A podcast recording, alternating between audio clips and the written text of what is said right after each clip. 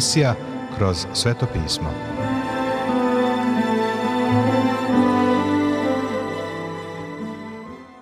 Dobroveče, poštovani slušaoci i dobrodošli u još jednu emisiju programa Kroz sveto pismo, programa koji je za vas napisao Vernon McGee, a pročitao Branko Bjelajac. Želimo vam prijetno i blagoslovljeno slušanje.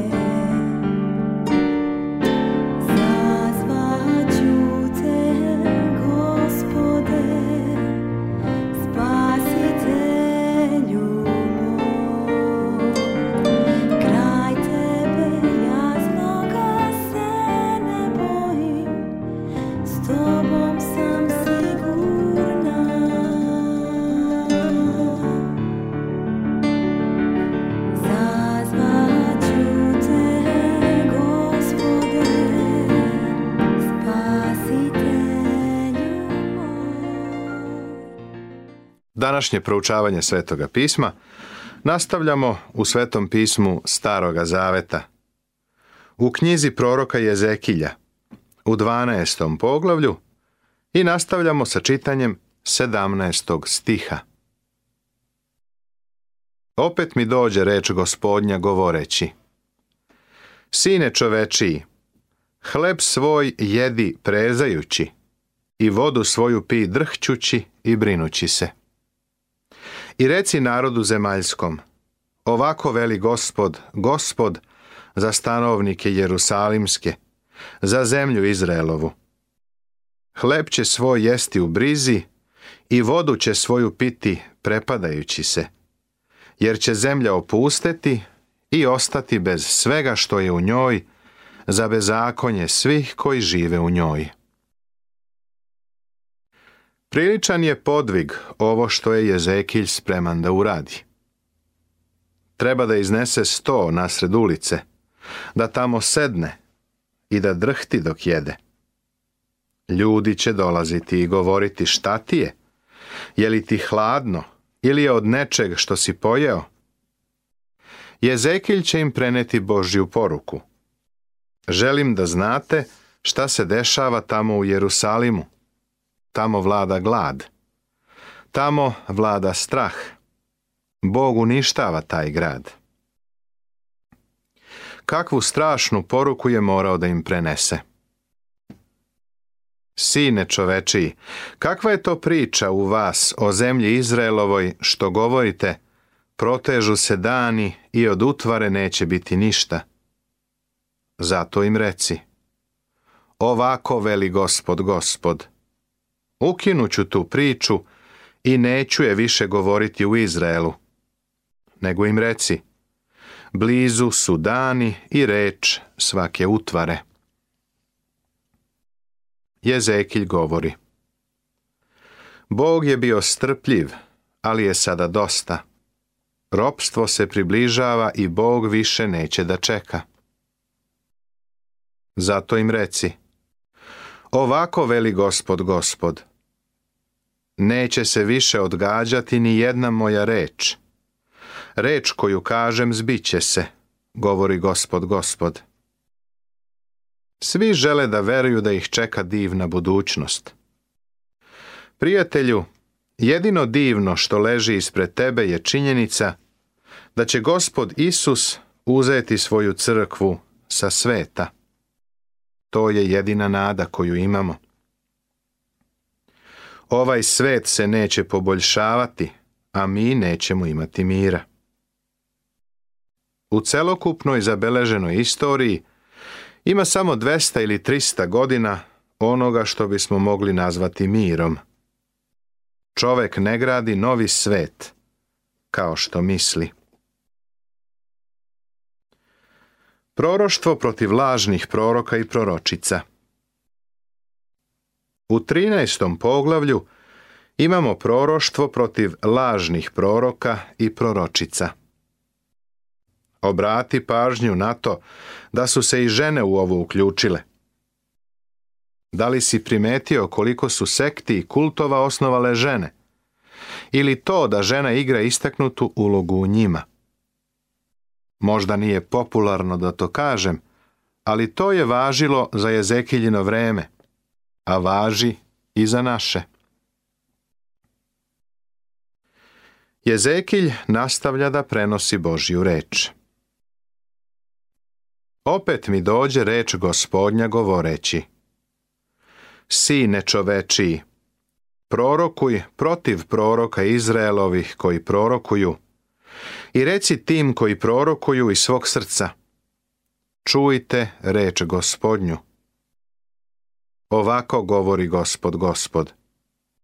Teško ludim prorocima koji idu za svojim duhom, a ništa nisu vidjeli. U čemu je problem? Ovi proroci su prorokovali iz svog srca.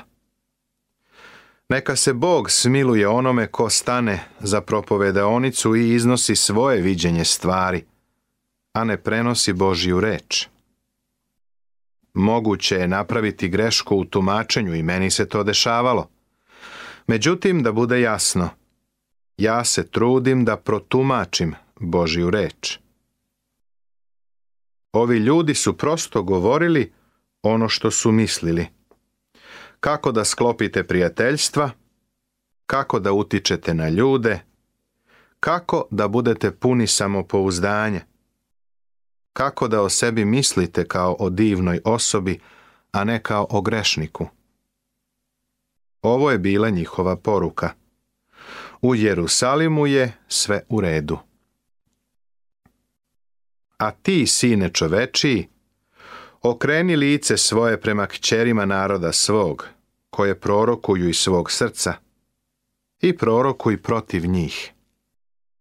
I reci, Ovako veli gospod gospod. Teško onima koji šiju uzglavlja pod sve laktove i grade pokrivala na glavu svakog rasta da love duše. Lovite duše mog naroda, a svoje li ćete duše sačuvati? Jezekilj treba da se suprotstavi ovim lažnim proročicama.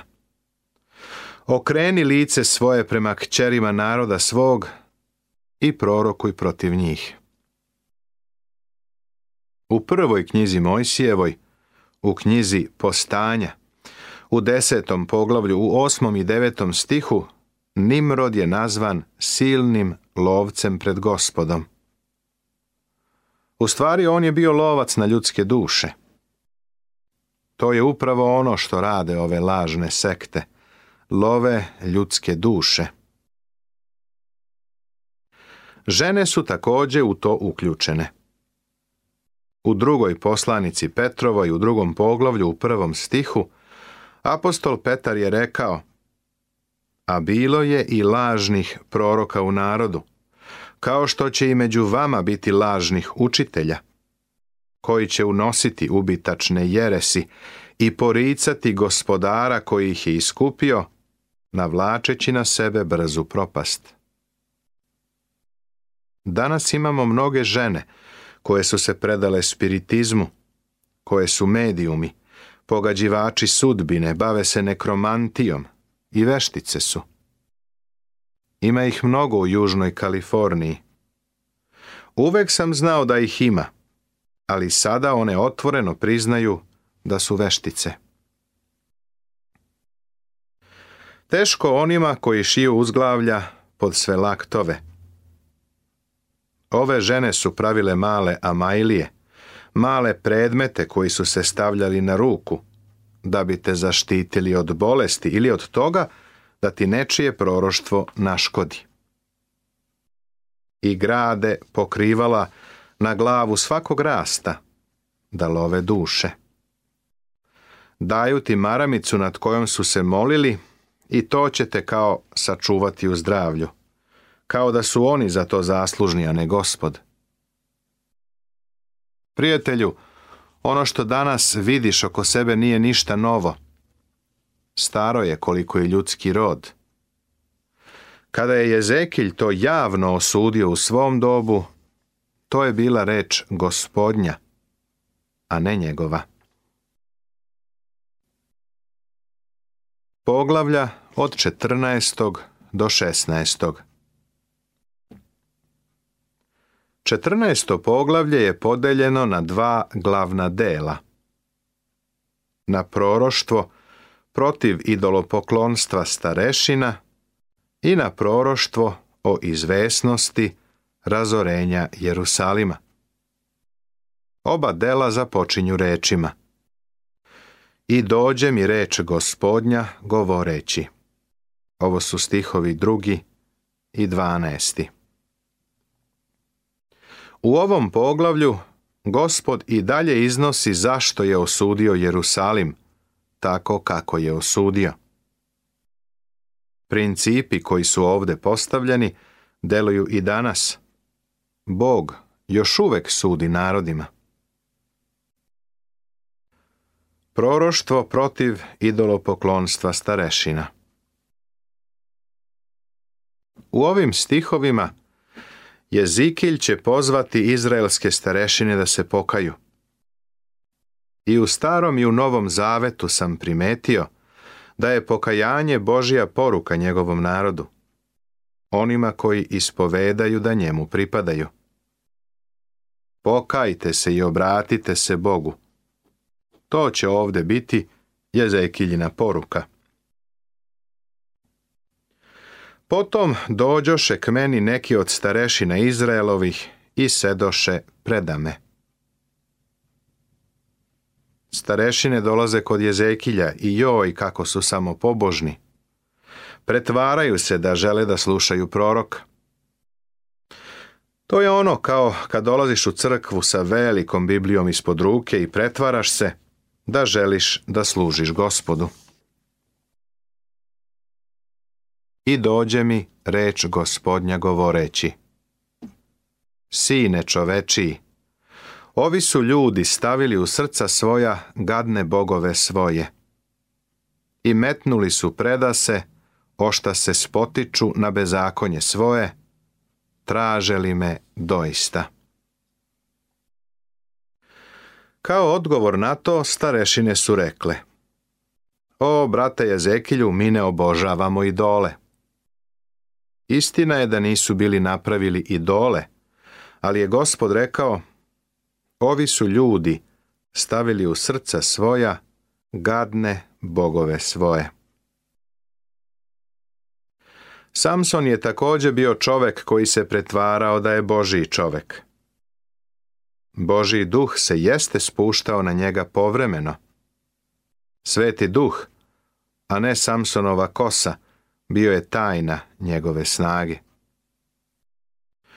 Ali došao je dan kada je izašao, a nije znao da je duh Boži odstupio od njega.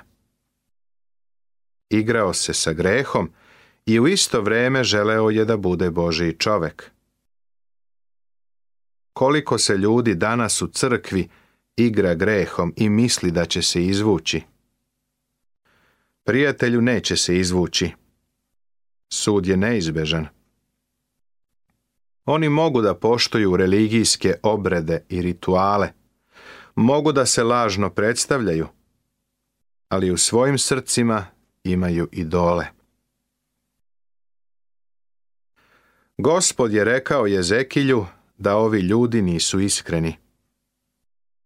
Pretvarali su se da žele da čuju njegovu poruku, ali je uopšte nisu primili.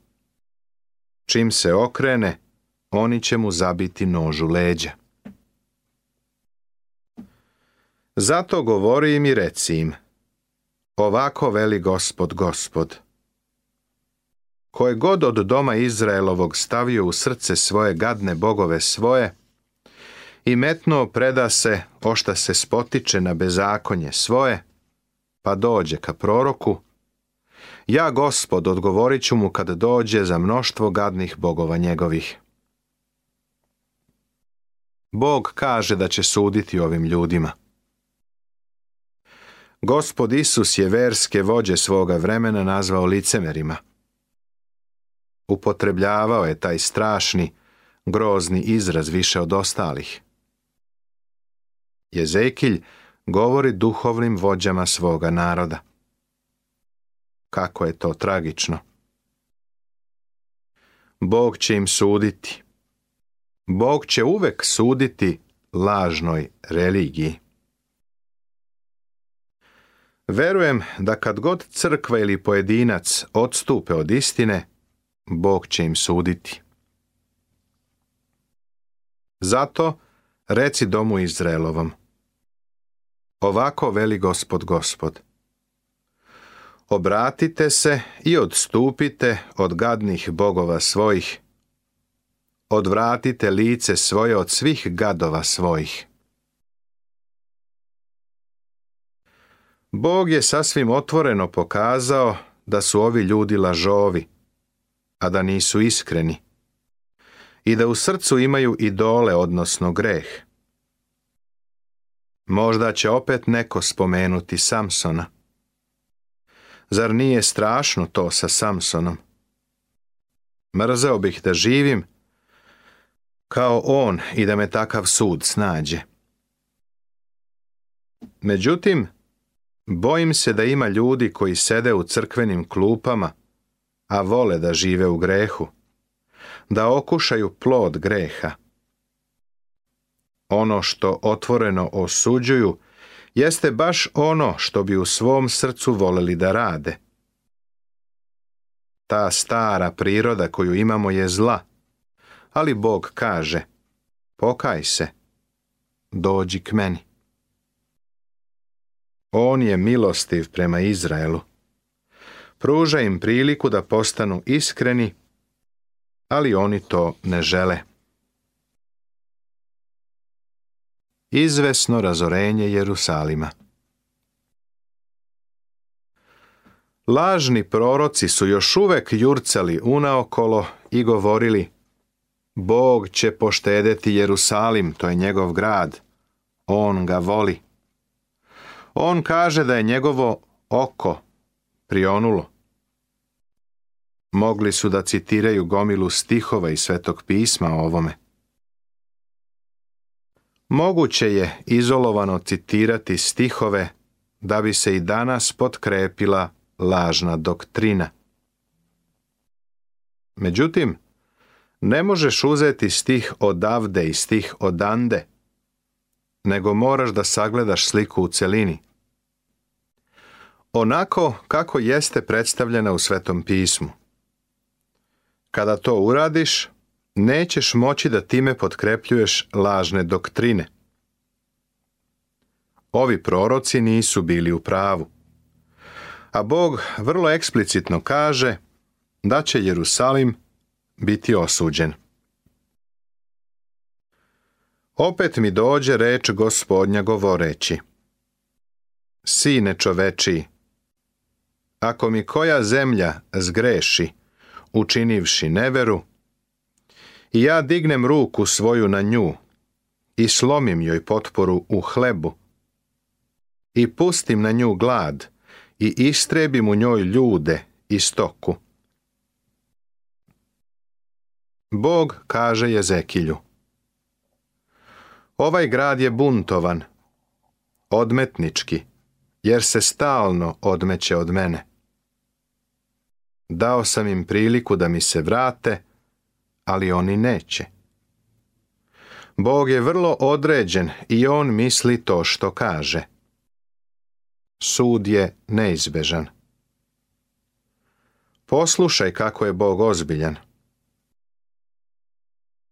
Ako bi u njoj bila ova tri čoveka, Noje, Danilo i Jov, oni će pravdom svojom izbaviti duše svoje, govori gospod gospod da je Noje bio u Jerusalimu, gospod kaže da ga ne bi saslušao.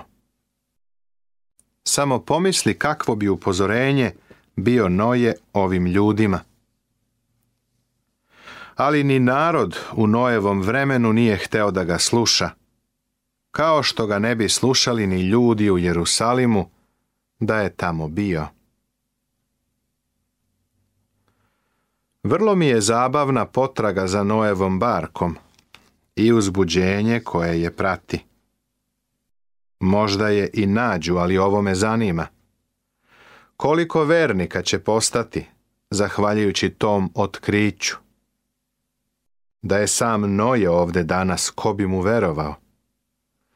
Nazvali bi ga čudakom i starcem koji nema pojma. Ni Noju ne bi poslušali kao ni Danila. Međutim, Navuhodonosor je poslušao Danila. Kakva je to čast za Danila? Danilo je tamo u palati najvećeg svetskog vladara Navuhodonosora. Bavilonjani su poznavali Danila i znali su da je Božiji čovek. Gospod kaže da Izraelci ne bi poslušali ni Noja, ni Danila, ni Jova.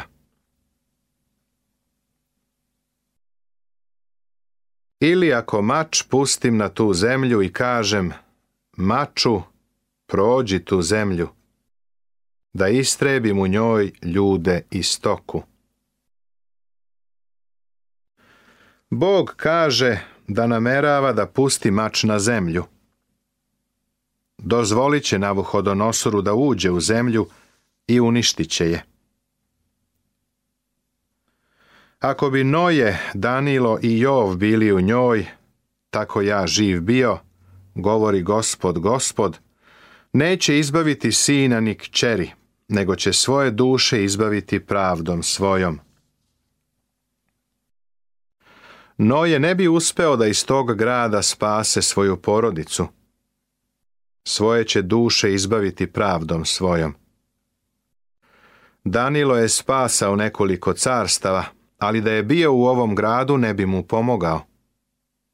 Zato je Bog odveo Danila iz Jerusalima. Božiji narod nije hteo da ga sluša, a stari, neznabožački car je poslušao Danila i postavio ga za premijera.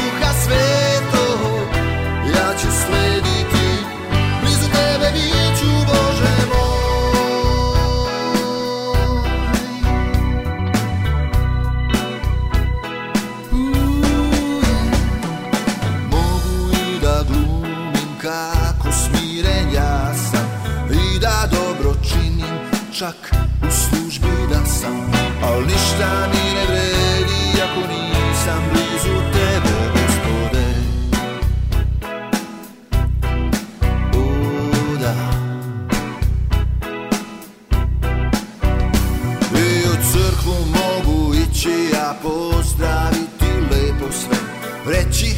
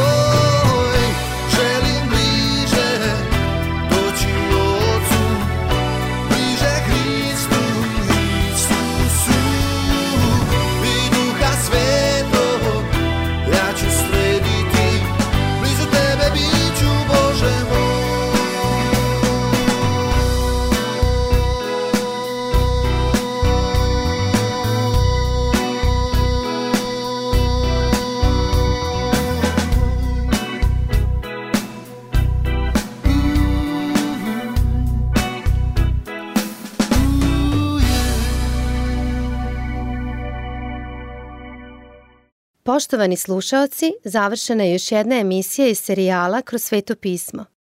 Ovaj program možete da slušate svakog radnog dana na talasnoj dužini od 1548 kHz u vremenu od 22 sata do 22 sata i 30 minuta. Ukoliko želite da nam se javite, da nas pohvalite ili pokudite, da nam predložite izmene kojima bismo mogli da poboljšamo naš program, ali i da vas nagradimo kakvom dobrom hrišćanskom knjigom, Novim Zavetom ili celom Biblijom. Na raspolaganju su vam telefon, elektronska pošta ili obična pošta. Broj našeg telefona je plus 381 062 396 331. Adresa redakcije glasi Poruke, Poštanski fah 37 11060 Beograd. Elektronskom poštom nas možete kontaktirati na krosvetopismo at gmail.com. Također, pripremili smo vam i web stranicu na kojoj možete pronaći sve naše programe. Adresa web stranice je www.twr